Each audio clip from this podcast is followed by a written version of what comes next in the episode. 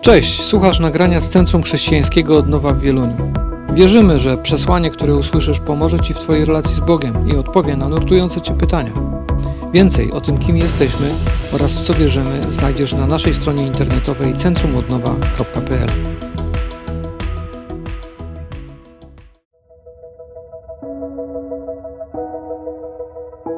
Poprzez Jezusa Chrystusa Bóg usunął wszystko, co mogło odgradzać Jego od ludzi. Droga została otwarta. Są jednak mury, które powstają po naszej stronie i których usunięcie zależy od nas samych.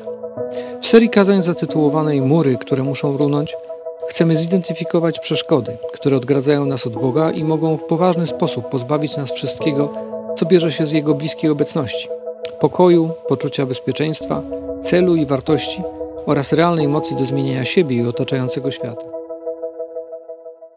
Dzień dobry Kościele, mam nadzieję, że macie się dzisiaj dobrze. Yy, macie się dobrze?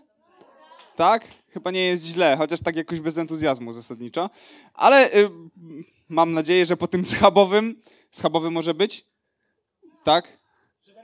Ale yy, schabowy sojowy czy ten? Nie, S sojowy. Okej, okay. czyli zdania uczonych są podzielone. Dobrze, bardzo dziękujemy za zaproszenie. Dla nas to zawsze radość być e, z wami, być między wami. Super sprawa i mam nadzieję, że wszyscy stąd wyjdziemy bogaci e, dzisiaj. I chciałbym, żebyśmy na początku zrobili taką małą mowę, e, się dogadali. Chciałbym, żebyście dzisiaj byli jak Berejczycy, ok? Możemy tak zrobić? no właśnie, trochę na to liczyłem, na to, że tak Widzicie, na mnie patrzy na zasadzie, co, co w ogóle? O czym on do nas mówi? No właśnie, yy, zacznijmy od historii z dziejów apostolskich. Wskoczmy do dziejów, tym razem nie do studni, z dziejów może łatwiej się wychodzi niż ze studni. Dzieje apostolskie, 17 rozdział i czytamy od pierwszego wersetu taką oto historię. Po przejściu przez Amfipolis i Apolonię przyby, przybyli do Tesalonik. Mieściła się tu synagoga Żydów. Paweł zgodnie ze zwyczajem odwiedził ich i przez trzy szabaty rozprawiał z nimi. Powoływał się na pisma, wyjaśniał i dowodził, że Chrystus musiał cierpieć i zmartwychwstać. Oznajmił im też, że tym Chrystusem jest Jezus, którego on im głosi. Niektórzy dali się przekonać i dołączyli do Pawła i Sylasa. Przyłączyła się do nich również wielka liczba pobożnych Greków oraz niemało wybitnych kobiet. No więc historia jest taka, że Paweł i Sylas wędrują sobie przez Grecję, e, co przypuszczam, że dla nas teraz z tą temperaturą za oknem wydaje się to być piękną sprawą. Nie wyobraźcie sobie teraz, że wędrujecie przez Grecję. Jest 28 stopni, cieplutko, milutko. No więc Paweł i Sylas wędrują sobie e, przez Grecję, nauczają w napotkanych synagogach, e, rozprawiają z miejscowymi Żydami i tak się właśnie działo w Tesalonikach. Paweł przez trzy tygodnie Stał, nauczał, rozprawiał, rozmawiał, argumentował, przekonywał, opierał się na pismach Tory, ale Tesaloniczanie nie byli jakoś szczególnie zainteresowani tym, co Paweł miał im do opowiedzenia. Co prawda, szczęść dała się przekonać, e, ale e, okoliczni Żydzi trochę się wkurzyli na Pawła i Sylasa. I, e, no i oskarżyli ich o wywrotowe polityczne poglądy. To tak w sumie najłatwiej, nie? Kogoś, kogoś wskazać, nie, to ty masz takie wywrotowe poglądy. Na, naskarżyli na nich, e, Paweł i Sylas zostali aresztowani mm, i gdyby nie kasa Jazona, gdyby nie pieniądze Jazona, to był taki bardziej znany chrześcijanin e, w Tesalonikach, gdyby on nie poręczył za nich finansowo, no to Paweł i Sylas pewnie na dłużej wylądowali, wylądowaliby w więzieniu. Ale udało im się wyjść dzięki tym pieniądzom i czytamy dalej tak, od dziesiątego wersetu. Jeszcze tej samej nocy bracia wyprawili Pawła i Sylasa do Berei. Czy natomiast, którzy tam przybyli, zaczęli uczęszczać do synagogi. Żydzi, którzy się tam gromadzili, byli szlachetniejsi od tych w Tesalonikach. Przyjęli oni słowo z całą otwartością i codziennie badali pisma, sprawdzając, czy rzeczywiście tak się rzeczy mają. Wielu zatem prawdziwie uwierzyło, w tym też niemało wybitnych Greczynek oraz mężczyzn. A gdy Żydzi z Tesalonik dowiedzieli się, że Paweł głosi Słowo Boże również w Berei, udali się tam, podburzając przeciw nim całe tłumy. No więc Żydzi z Tesalonik byli szlachetni, tfu, z Berei, przepraszam, byli szlachetniejsi od tych z Tesalonik. Okay? E, dlaczego tak Łukasz, który opisuje tę historię, nazywa tych z Berei. E, zauważcie, że oni wysłuchali tego, co mówił Paweł i powiedzieli, ok, w porządku, ciekawe, sprawdźmy.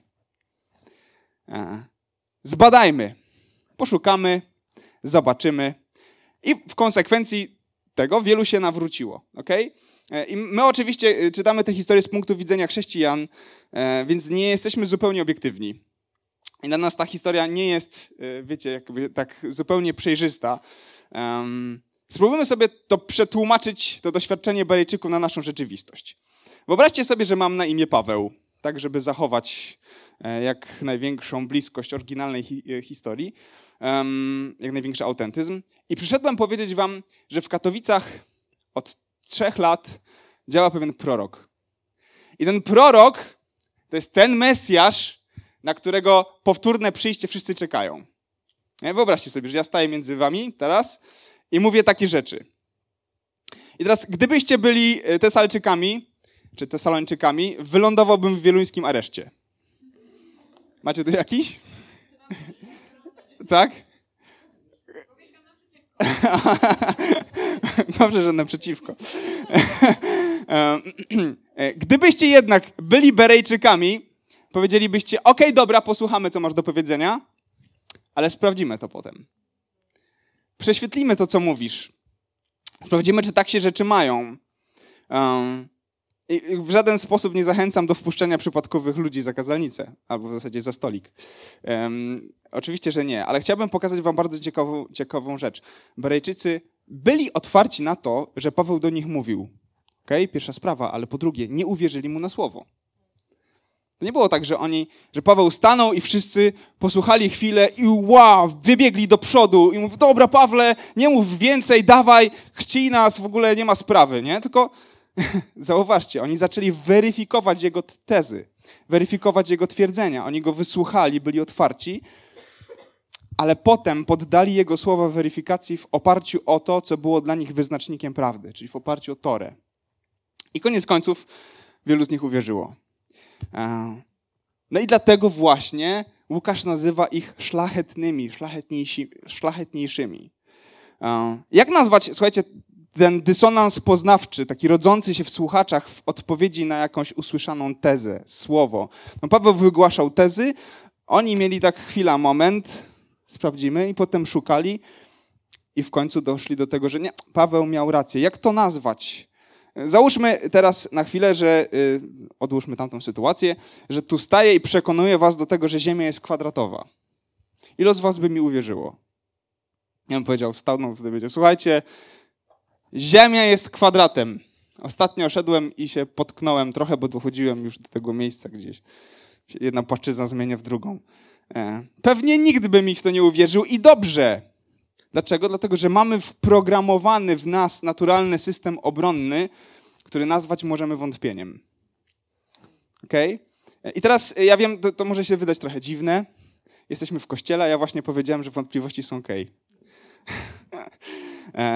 Zanim zaczniecie rzucać pomidorami, przyjrzyjmy się temu zagadnieniu na chwilę, dobra? Dlatego, że temat wątpliwości jest bardzo złożony.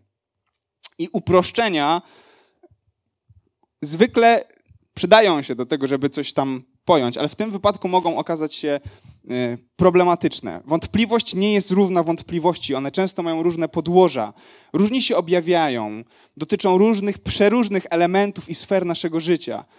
I ja wiem, że w chrześcijaństwie przyjęło się, że wątpliwości, wszelkie wątpliwości są z zasady złe i niepożądane i są naszymi wrogami. Powinniśmy się im przeciwstawiać, ale to jest bardziej zniuansowana sprawa. Czasami wątpliwości mogą nas zabić, mogą zabić nasze duchowe życie, mogą nas e, dobić, są jak taki rak, który toczy nas powoli, powoli, powoli, aż w końcu doprowadza nas do śmierci, e, śmierci naszego duchowego życia, ale niektóre z nich są niezwykle potrzebne niezwykle potrzebne. Nie jest dobrze wrzucać wszystkie wątpliwości do jednego worka. Tylko. To tak jest z wieloma sprawami w życiu. I zróbmy znowu małą sondę uliczną, e, albo raczej kościelną. E, jak sądzicie, strach jest dobry czy zły? Kto uważa, że strach jest dobry? Ręka do góry. No zależy właśnie, zależy, zależy. Okej, okay, strach jest to, że strach jest dobry, a kto uważa, że strach jest zły? Też czasami. No właśnie. No właśnie.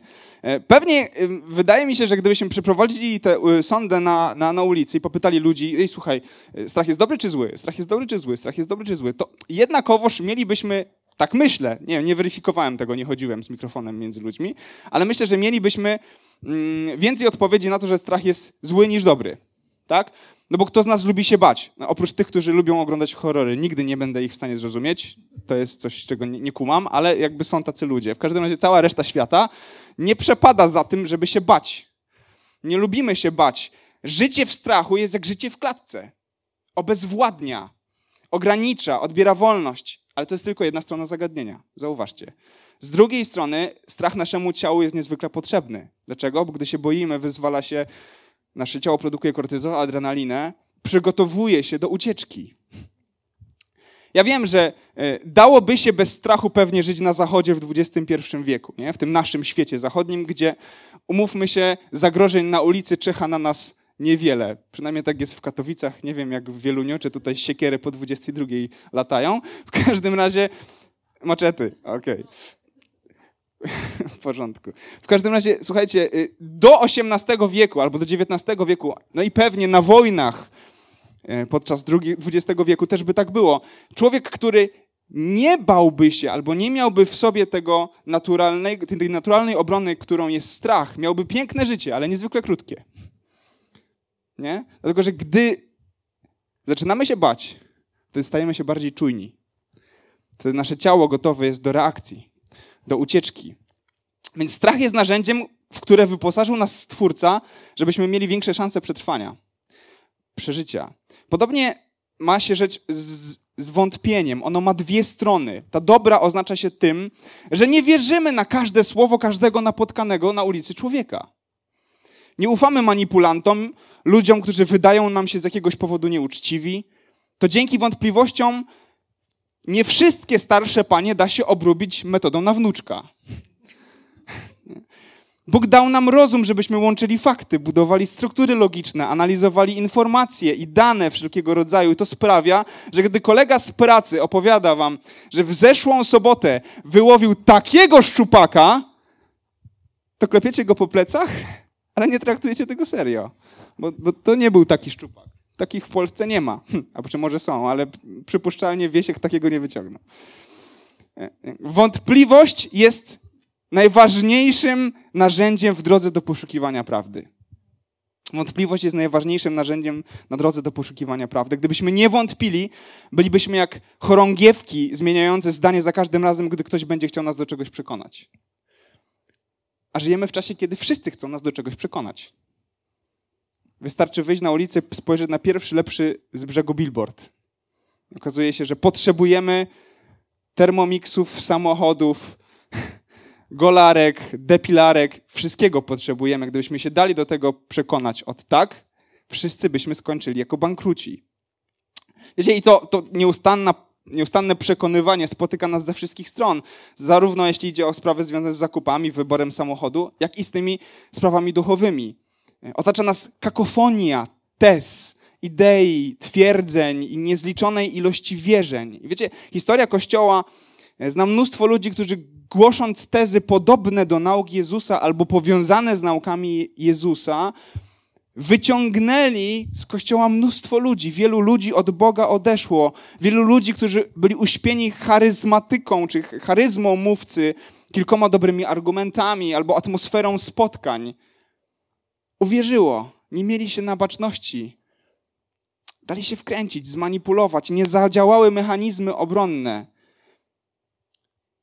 Często stawali się członkami sekt, różnych grup wyznaniowych, które z pozoru były bliskie prawdy, bliskie słowa, ale tak naprawdę okazały się piekłem dla wyznawców. Na Onecie co jakiś czas, mam wrażenie, jest jakiś artykuł o kolejnej wspólnocie, w której ludzie kończą wykorzystywani seksualnie, psychicznie, psychologicznie, materialnie itd. Tak Nie wiem, czy też macie takie wrażenie. Potrzebujemy wątpliwości, żeby kłamstwom nie wierzyć. Wątpienie nie jest zarezerwowane dla Boga. Ok? Tylko i wyłącznie. Ja wiem, że my mamy taki link, nie? Na zasadzie wątpliwość, pyk i od razu nam się, jak w hiperłączu, odsyła nas to do Boga. Ale to, to nie jest taka prosta sprawa. Wątpliwość nie musi oznaczać niewiary w Boga. Wątpimy nieustannie w różnych sferach naszego życia. W końcu słownik języka polskiego określa wątpliwość po prostu jako brak pewności co do prawdziwości czy słuszności czegoś. Wiecie co? Jezus zachęca nas do wątpliwości. Okej, okay. widzę, widzę ten nieufny wzrok. Dobrze. Bądźcie, bądźcie jak Barejczycy. Bądźcie jak Barejczycy. 24 rozdział Ewangelii Mateusza. Tam Jezus mówi o czasach końca i nie, nie będziemy czytać całego tego fragmentu, bo jest on y, długi, za, za długi na ten, to dzisiejsze przedpołudnie. Wybrałem tylko niektóre wersety. Okay, więc taki y, zestaw hitów największy tego, tego, tego fragmentu. Będziemy się poruszać w 24 rozdziale, 4-5 werset, potem 11, 23-24. Jezus odpowiedział: Uważajcie, by was ktoś nie wprowadził w błąd, gdyż wielu przyjdzie w moim imieniu. Chrystus to ja, powiedzą, i wielu zwiodą. Pojawia, pojawi się też wielu fałszywych proroków i wielu zwiodą. Gdybym wówczas wam powiedział, gdyby wówczas ten ktoś powiedział wam, oto tu jest Chrystus, albo oto tam, nie wierzcie. Nie wierzcie. Powstaną bowiem fałszywi Mesjasze, fałszywi prorocy, będą oni czynić wielkie znaki i cuda, aby o ile można zwieść ich wybranych. Wątpliwość jest najważniejszym narzędziem na drodze poznawania prawdy, bo żeby dojść do prawdy, musimy wątpić w kłamstwa. Potrzebujemy wątpliwości. Nie wszystkich, nie zawsze. Oczywiście to jest bardziej złożony problem, tak? E, wróćmy na chwilę do Berejczyków i zastanówmy się, dlaczego ich wątpliwości były pokazane pozytywnie jak już mówiliśmy, Berejczycy sprawdzali słowa Pawła. Najważniejsza była dla nich prawda. Najważniejsza była dla nich prawda. W konsekwencji wielu z nich uwierzyło w to, że Chrystus faktycznie jest Mesjaszem, w sensie Jezus jest Chrystusem. Tak? Teraz ważna rzecz. Mm, wątpliwości wypływają z wielu różnych sytuacji, doświadczeń i naszych postaw. Berejczycy aktywnie szukali prawdy aktywnie szukali prawdy. I to jest pytanie, czy my mamy to samo nastawienie. Wierzę, że nasze wątpliwości są jak siłownia dla wiary. Okay? Czasami to jest bardzo trudna siłownia. Mamy tutaj kogoś, kto ćwiczy na siłowni czasami? Jakiś stretching? Okej, okay. jest jedna osoba w siłowni. A ktoś jakiś pilates? pilates. Okay. super, super.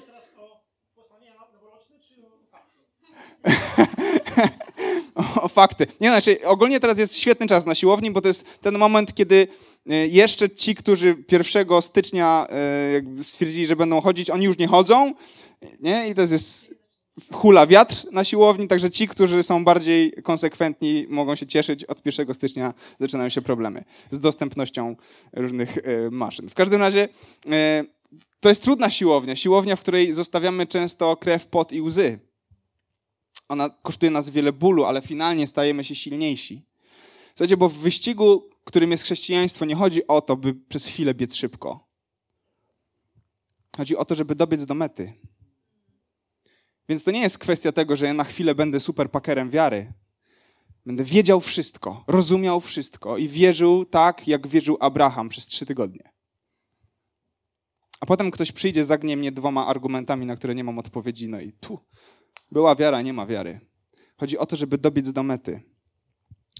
Więc pytanie jest takie, e, czy naszym celem faktycznie jest poznawanie prawdy? Jeśli faktycznie tak jest, jeśli to jest nasz życiowy cel, to jeśli Jezus jest drogą, prawdą i życiem, jeśli te słowa mają uzasadnienie w rzeczywistości, to On da nam się znaleźć. Jesteśmy wtedy gotowi na trud poszukiwania, bo na tym polega paradoks chrześcijaństwa, zauważcie. Znaleźliśmy, ale wciąż szukamy. Poznaliśmy, ale wciąż poznajemy. Usłyszeliśmy, ale wciąż słuchamy, żeby usłyszeć. To jest proces, który nigdy się nie kończy nigdy się nie kończy. I wiecie, i każdy z nas tworzy sobie w umyśle, w wyobraźni swój obraz Boga. Każdy z nas jest jak taki artysta, który sobie w sobie maluje obraz Boga i często my tam domalowujemy różne rzeczy. I gdyby nie wątpliwości, to wychodziłyby nam bardzo często karykatury. Bóg musi czasami konfrontować nas z pewnymi rzeczami, żebyśmy mogli wyczyścić ten nasz obraz rzeczy, które domalujemy, a które nie są prawdą.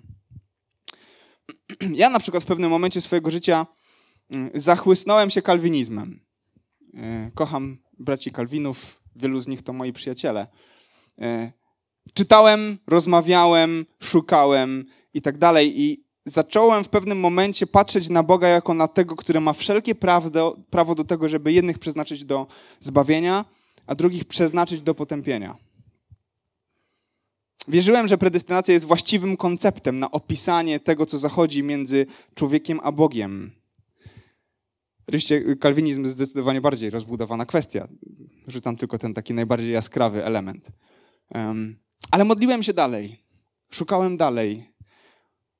Spędzałem czas przed Panem, mówiąc: Panie, chcę poznać to, jaki jesteś. Czytałem też różne książki, rozmawiałem z ludźmi. Oczywiście czytałem Biblię. E, I w pewnym momencie zacząłem kwestionować taką wizję Boga. Zacząłem wątpić w to, że Bóg jednych ukochał, a innych ukochał inaczej. I wtedy, słuchajcie, mam wrażenie, że w tamtym momencie targały mną potężne wątpliwości. Często przychodziłem do Boga wkurzony, mówię, Boże, jak to w końcu z Tobą jest? Tak naprawdę. Ale dzięki temu doświadczeniu, dzięki tamtemu czasowi moja wiara stała się silniejsza. I teraz, gdy rozmawiam z kimś, kto wrzuca mi jakieś różne argumenty,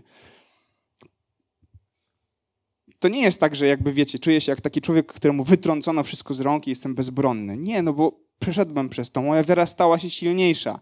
Już wiem, jak można na różne tezy e, odpowiedzieć. Bóg jawi mi się jako jeszcze piękniejszy niż był wcześniej. Jeszcze wspanialszy, jeszcze bliższy, jeszcze bardziej sprawiedliwy. Zrobiłem krok dalej w mojej relacji z Bogiem dzięki tamtemu okresowi. Pokonana wątpliwość jest jak szkolenie, dzięki któremu Twoja wiara staje się bardziej kompetentna, trwała i stała.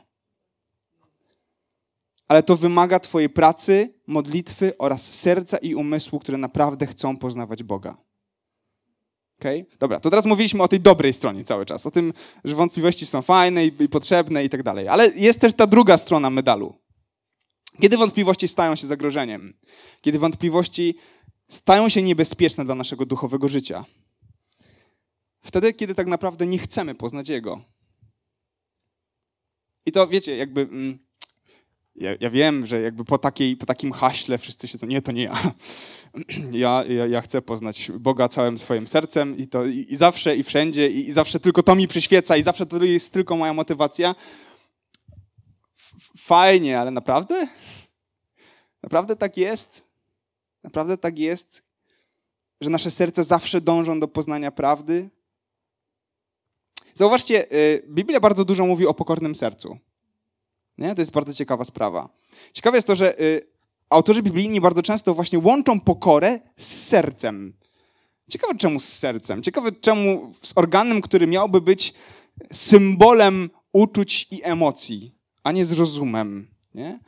E, jeśli mamy naprawdę pokorne serca, które pragną Boga, to wątpliwości zaczynają nas umacniać. Dlatego, że wątpliwości są najczęściej sprawą intelektu. Tam dochodzi do potyczki, w naszych głowach, ale to stan serca decyduje o tym, w którą stronę zaczynamy zmierzać. W czasie wątpliwości.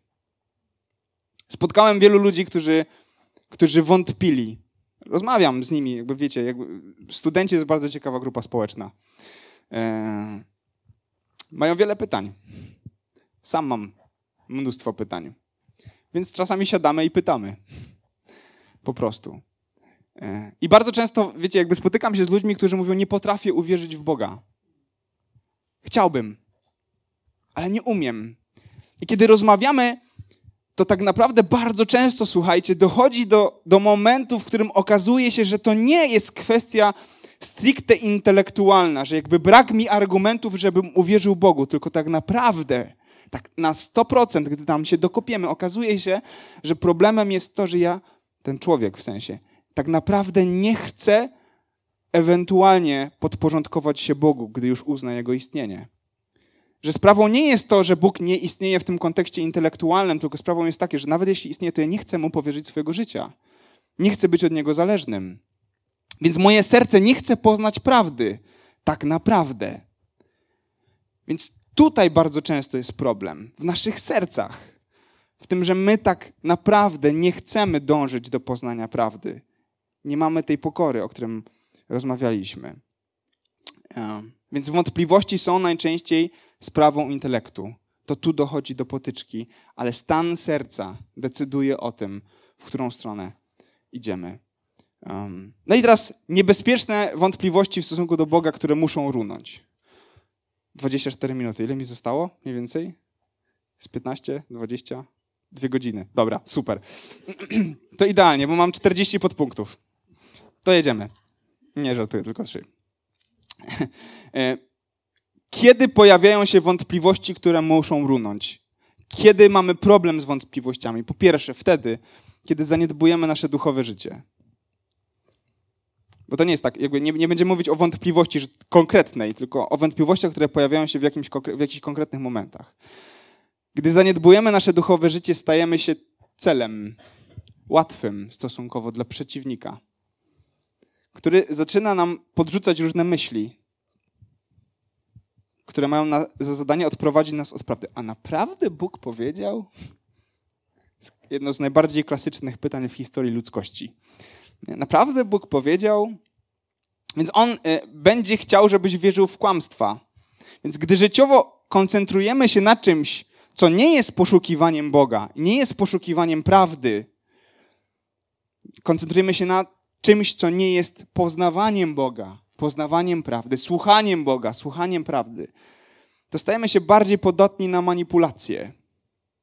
Manipulacje szatana, manipulacje innych ludzi, czy manipulacje naszych własnych braków, które są w nas. Stajemy się mniej krytyczni wobec różnych twierdzeń. Stajemy się bardziej podatni na kłamstwo naszej cywilizacji, na kłamstwo konsumpcjonizmu, materializmu i przerzucamy z Boga e, tę nadzieję na spełnienie, przerzucamy ją na inne rzeczy i na innych ludzi, którzy nam tego nie mogą dać. Zaczynamy zatracać nasze poczucie bycia Bożym dzieckiem, nie słyszymy Jego głosu, zaczynamy się gubić. A pytanie jest tylko więcej. Czy na pewno Bóg powiedział? I powoli zaczyna toczyć nas rak. Więc jest jedna opcja w takich momentach. Trzeba go zabić radioterapią Bożej obecności w jego obecności kłamstwo są zniszczone. Jest taki jeden y, żarcik. Ja właśnie próbowałem sobie przypomnieć, czy kiedyś go tu mówiłem i nie pamiętam, więc jakbym się powtórzył, to przepraszam, ok? Możecie się śmiać tak, jakbyście go słyszeli po raz pierwszy. Wtedy będzie nam wszystkim miło. No, w sumie nie wiem, czy w ogóle będzie was śmieszył, ale zobaczymy. E, w pewnej wsi w czasie dwudziestolecia międzywojennego, w pewnej wsi w Polsce e, do miejscowej społeczności Żydów przyjechał rabbi. No i rabbi ze swoją obstawą wszedł do e, lokalnej e, sali, w której organizowano spotkanie. Usiadł i mówi, dobra, to ja słucham, wymówcie. Nie? I y, ludzie usiedli, zgłaszają się. Rabbi, a ja mam problem z żoną, która... i tak dalej, i tak dalej. Ktoś inny się zgłasza, rabbi, bo mnie ostatnio ktoś coś ukradł, no i Jachwę powinien sprawiedliwość wymierzyć, a tej sprawiedliwości nie widzę i tak dalej, i tak dalej. No i rabbi tak siedzi i słucha tych wszystkich zarzutów, pytań, kwestii. Siedzi, siedzi, siedzi i słucha. I w pewnym momencie mówi, dobra, okej, okay, koniec. Wstał i zaczął tańczyć. No i tańczy, tańczy, tańczy. Wszyscy tak patrzą na rabiego, no to jak to rabi robi, to chyba trzeba, nie? No więc też zaczęli tańczyć. No i tak cała sala tańczy, wiruje w tańcu. W pewnym momencie rabi się zatrzymał, mówi, to ja mam nadzieję, że otrzymaliście odpowiedzi na pytania, które was nurtowały i wyszedł z sali. I wiecie, jakby to jest... Koniec żartu, czas się śmiać. Fajnie, fajnie. Tak. Cóż, następnym razem znajdę jakiś lepszy. w każdym razie... Y, to jest żart, słuchajcie, ale w tym żarcie jest, ja mam wrażenie, jest strasznie dużo prawdy. W sensie tam jest jakby bardzo dużo mądrości, bo, bo nagle okazuje się, że różne nasze pytania, które mamy, one są pytaniami, które nas dręczą i gnębią do momentu, kiedy nie przyjdziemy przed Boży tron. I niech ten taniec będzie jakby symbolem bycia z Bogiem, uwielbienia. I kiedy to się zaczyna dziać, to nagle się okazuje, że może nie uda nam się dostać zwerbalizowanych odpowiedzi. Nie otworzą się niebiosa i Bóg nie powie, słuchaj, tam te 40 lat temu to się wydarzyło dlatego, że. Ale nagle się okazuje, że ten problem, który miałem, to pytanie, ono nie jest już aż tak palące, ono już mnie tak nie boli, bo jest ktoś, kto przychodzi i staje obok i trzyma mnie za rękę i to wszystko zmienia. Mimo tego, że nie otrzymuję werbalnej odpowiedzi, zostaliśmy stworzeni do relacji z Bogiem. Ona jest dla nas życiodajna. Gdy się od niej odcinamy, zaczynamy mieć halucynacje z niedożywienia. Gdy jesteśmy przy Bogu, nabieramy odpowiedniej perspektywy, stajemy się mniej egoistyczni, zapatrzeni w siebie i w swoje racje. Jego obecność jest lekiem na zło, które jest w nas. Jest odtrutką na truciznę, która psuje nasz wzrok. Więc dbajmy o nasze duchowe życie. Druga sprawa. Kiedy rodzą się te wątpliwości, które mogą być dla nas zabójcze i które są złe? Gdy jesteśmy przekonani o naszej mocy i nieomylności poznawczej. E, przypowieści Salomona, klasyczny werset pewnie wszyscy znają. Pycha chodzi przed upadkiem, a wyniosłość ducha przed potknięciem. Sprawą to jest w ogóle tak, że najłatwiej ją znaleźć o kogoś, kto siedzi obok, nie? E, to jest wtedy ona jest taka widoczna. E, ale e, kwestia pychy, słuchajcie, ona nas często atakuje z, z bardzo wielu stron. Tak łatwo jest dojść do przekonania, że ja przecież Pana Boga znam że go tak trochę już rozpracowałem. Że on działa wtedy, a wtedy nie. Że on działa tak, a tak to już on nie działa. I y, twoje doświadczenie jest doświadczeniem dobrym, a twoje doświadczenie Boga to nie. To jakby to już nie, bo y, Bóg tak już nie działa, a tak działa. Nie? Bo ja Boga poznałem. I on mi się zmieścił w moją szufladkę, którą mam tam na Boga i pasuje tak fajnie więc to jest takie wszystko poukładane, więc ja wiem, co to jest. To jest po prostu pycha. To jest po prostu pycha. W tym rzecz, że mamy do czynienia z istotą przekraczającą nas poznawczo tak dalece, że nawet tej różnicy nie jesteśmy w stanie próbować zrozumieć. Nie?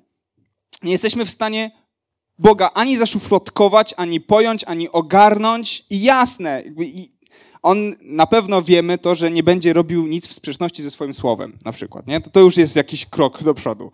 To, to możemy jakoś tam powiedzieć. Wiemy, że on objawił się w Chrystusie, więc jak patrzymy na Chrystusa, to widzimy jakiś refleks Boga, odbicie e, Boga. Oczywiście. Ale Jezus żył 3,5 roku. W sensie działał. Żył 33,5 roku. e, więc nie da się w 3,5 roku przedstawić światu całości tego, kim jest nieogarnialna dla istot ludzkich istota boska. Nie da się. Więc nie mamy pełnego obrazu Ojca. Cząstkowe jest nasze poznanie, pisze Paweł. E, bardzo podoba mi się pewna idea, która jest obecna w teologii prawosławnej. E, nazywa się to teologia apofatyczna. Strasznie dziwna nazwa, ale y, idea jest w sumie prosta. Zakłada, że Bóg jest tak niepodobny do wszystkiego, co znamy, co jesteśmy w stanie zobaczyć, co jesteśmy w stanie ogarnąć, poznać i tak dalej, że nie jesteśmy w stanie powiedzieć, jaki ten Bóg tak naprawdę jest, jaki On jest w rzeczy samej. Nie? Znaczy, bo e, wszystkie nasze definicje, porównania, alegorie, one są za małe, one, te szufladki są za ciasne. Możemy powiedzieć więc o Bogu, jaki nie jest. I teologia apofatyczna zakłada, że można mówić o Bogu, jaki nie jest, i to jest bliższe prawdy, żeby, niż powiedzieć Bogu, o Bogu, jaki jest. Nie? Czyli można powiedzieć, że Bóg nie jest niesprawiedliwy na przykład. No ale pytanie, czy jesteśmy w stanie powiedzieć, że Bóg jest sprawiedliwy w tym rozumieniu, w jakim my rozumiemy sprawiedliwość. A może Bóg jest dużo szerszy niż nasze pojęcie sprawiedliwości. Więc pytanie, czy możemy powiedzieć o Bogu, Bóg jest sprawiedliwy odtąd dotąd, tak jak ja sobie to wyobrażam. Nie? A może on jest właśnie dużo szerszy, więc e, ta teologia apofatyczna zakłada, że, że, że, nie ma sensu mówić, jaki on jest, lepiej mówić, jaki on nie jest. W sensie wykluczamy to, jaki nie jest i to, jaki jest, zostaje tak szeroki, że i tak tego nie ogarniemy.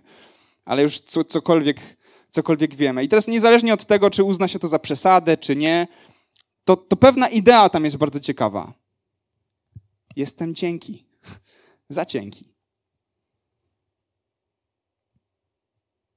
muszę uznać swoją małość, swoją niewiedzę, swoje niezrozumienie. I muszę przyjść z pokorą do Boga. I Boże, powiedzieć mu, Boże, chcę Cię poznawać, chcę Cię szukać, ale nigdy Cię tak naprawdę nie poznam tu na ziemi. Nigdy Cię tak w stu procentach nie znajdę w tym kontekście, że jakby, że będę miał Ciebie całego. Nie. Będę zbierał te odblaski.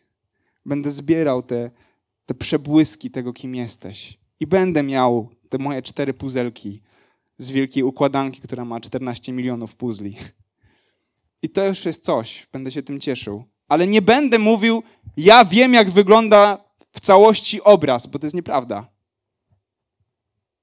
Pycha jest brakiem szczerości wobec swoich możliwości poznawczych. I wiecie, mówię o tym dlatego, że w chrześcijaństwie mamy z tym czasami problem. Z tym takim przekonaniem, że ja wiem, ja wiem najlepiej i ja będę wyznaczał Bogu granice. No i trzecia sprawa, najgrubsza i najtrudniejsza. Zabójcze dla nas są wątpliwości, kiedy pojawiają się, gdy zawodzimy się na Bogu. Gdy zawodzimy się na Bogu. I to jest chyba, ja mam wrażenie, jeden z najczęstszych powodów naszego wątpienia. Jeśli wierzyłeś w uzdrowienie, a do niego nie doszło, jeśli myślałeś, że w danej sytuacji pojawi się przełom i z całego serca trzymałeś się nadziei na ten przełom i, i wierzyłeś, wyznawałeś, byłeś przekonany i się nie stało. Kiedy walczyłeś wiernie w modlitwie, szukałeś Jego obecności i odbijałeś się od drzwi, od sufitu, nie czując Jego bliskości. On wydawało ci się, że nie nadszedł.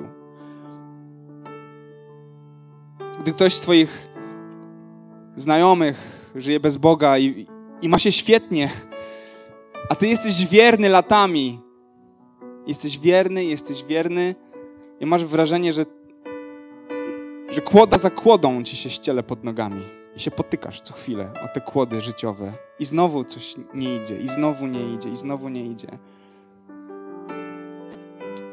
I ja mam, słuchajcie, to normalne, że w takich sytuacjach pojawiają nam się różne pytania. To normalne, że rodzi się w nas jakaś frustracja. To normalne, że w takich sytuacjach, bo jesteśmy tylko ludźmi, pojawiają się w nas pytania, Boże, czy Ty naprawdę jesteś tak dobry, jak myślałem, że jesteś? Czy to naprawdę jesteś tak wierny, jak myślałem, że jesteś? Albo gdzie byłeś wtedy, gdy działo się to i tamto? Wiecie, jakby podobne pytania były doświadczeniem bardzo wielu wierzących w Starym Testamencie, Psalm 73. Nie będziemy czytać całości, bardzo Wam polecam, żeby sobie to przestudiować potem. Asaf zadaje pytanie: Boże, omal się nie potknęły nogi moje, bo patrzę na siebie i ja ciągle dostaję ciosy, a ten bezbożny opływa w dostatki, jest mu świetnie. O co chodzi? Czemu tak? Na końcu oczywiście Asaf dochodzi do wniosku, że dobra, ja mam ciebie i, i, i to mi wystarcza. Ty jesteś dla mnie dużo ważniejszy niż kwestia mojego powodzenia e, albo niepowodzenia. E. Ale co powiecie o doświadczeniu Jana Chrzciciela z Ewangelii Mateusza z 11 rozdziału? Ewangelia Mateusza 11 od drugiego wersetu. O dokonaniach Chrystusa usłyszał więziony Jan. Posłał on do Jezusa swoich uczniów z takim pytaniem: Czy to ty jesteś tym, który ma przyjść, czy też mamy spodziewać się innego? Jezus odpowiada: Idźcie donieście Janowi o tym, co widzieliście i słyszeliście. Niewidomi odzyskują wzrok, kulejący chodzą, Trędowaci doznają oczyszczenia, gusi słyszą, umarli zmartwychwstają, a ubogim głoszona jest dobra nowina i szczęśliwy jest ten, kto się do mnie nie zrazi. Jaka to jest trudna odpowiedź. Nigdy w życiu nie chciałbym być Janem Chrzcicielem. Jan Chrzciciel z więzienia zamknięty mówi, pyta, czy ty to jesteś ten, który, na którego czekamy? Jan Chrzciciel, ten, który mówił przed chwilą, nie jestem godzien rozwiązać jednego rzemyka u sandałów. To jest baranek Boży. Nagle on mówi, czy to na pewno ty? A Jezus odpowiada, zobacz, niewidomi widzą, chromi chodzą, Umarli wstają do życia, ale po ciebie, Janie, nie przyjdę do więzienia. I Jan umiera w więzieniu ścięty niedługo później. Nie doczekawszy się cudu, przełomu, dotknięcia, wyzwolenia, Jan nie zobaczył otwartych drzwi. Nie było tak jak z Piotrem, że przyszedł jakiś anioł, nie spadły mu kajdany z nóg. Nie, Jan umarł w więzieniu. Chciałbym, żeby każdy wierzący mógł zawsze oglądać otwarte drzwi słyszeć brzęk kajdan, które spadają. Chciałbym, żebyśmy wszyscy zawsze byli uzdrawiani. Ale tak się nie dzieje. Czasami odpowiedzią Jezusa jest to, że zobacz, takie rzeczy się dzieją, ale błogosławiony ten, który się do mnie nie zrazi.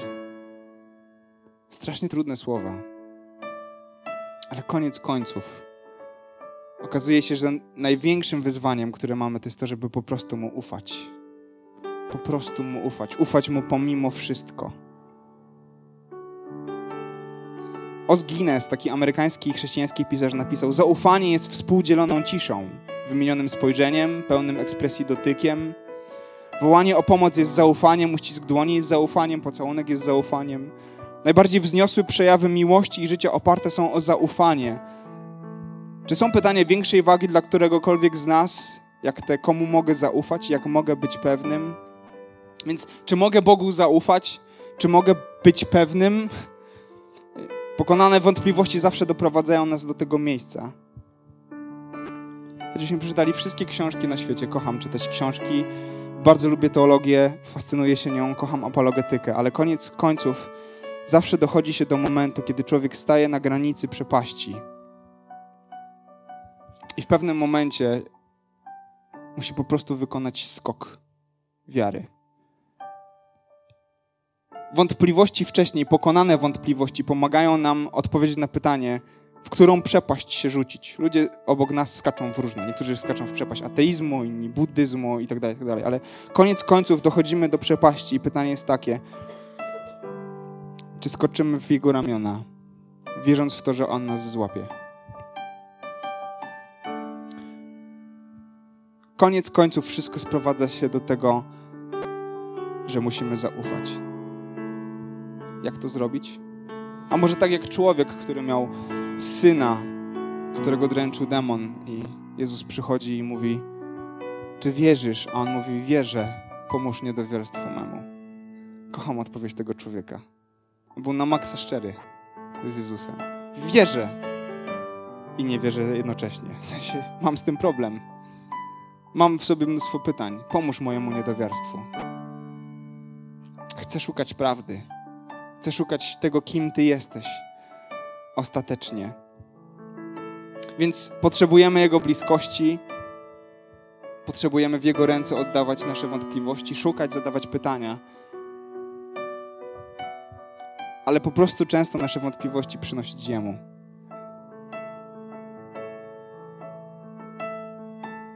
Bo w końcu pragniemy Jego znaleźć. Pragniemy Go znaleźć. I podczas piosenki teraz, którą będziemy śpiewać razem, proszę wstańcie. Będziemy śpiewać chyba właśnie o tym, że chcemy Jego. Więc proszę, y, żeby to był taki czas, kiedy będziemy super szczerzy z Bogiem, tak jak ten człowiek. Wierzę, pomóż memu niedowiarstwu. Zróbmy to, dobra? Y, niech podczas tego, tej piosenki, podczas tego fragmentu uwielbienia, który jest przed nami z naszych serc, z naszych umysłów, wyjdzie do Boga komunikat: Boże, mam problem. Borykam się z tym i z tamtym, ale chcę Ciebie. Chcę odnaleźć Ciebie, bo w końcu nasze wątpliwości rozgrywają się w naszym intelekcie, ale to stan serca decyduje o tym, w którą stronę podążamy. Więc to jest ten moment, to jest ten czas, żeby powiedzieć: Boże, jestem z Tobą szczery, mam z tym problem, ale oddaję to w Twoje ręce. Weź to i działaj, bo chcę poznać Ciebie. Potrzebuję zobaczyć Ciebie, chcę zbliżyć się do Ciebie. Skoro jesteś prawdą, to pragnę Ciebie ponad wszystko. I On na tę modlitwę wierzy, że odpowie. Amen. Dziękujemy, że byłeś z nami. Wierzymy, że przesłanie, które usłyszałeś, zachęca Cię do bliższej relacji z Bogiem oraz poznania nas osobiście. Zapraszamy Cię do odsłuchania kolejnych nagrań, a także skorzystania z naszej strony internetowej centrumodnowa.pl.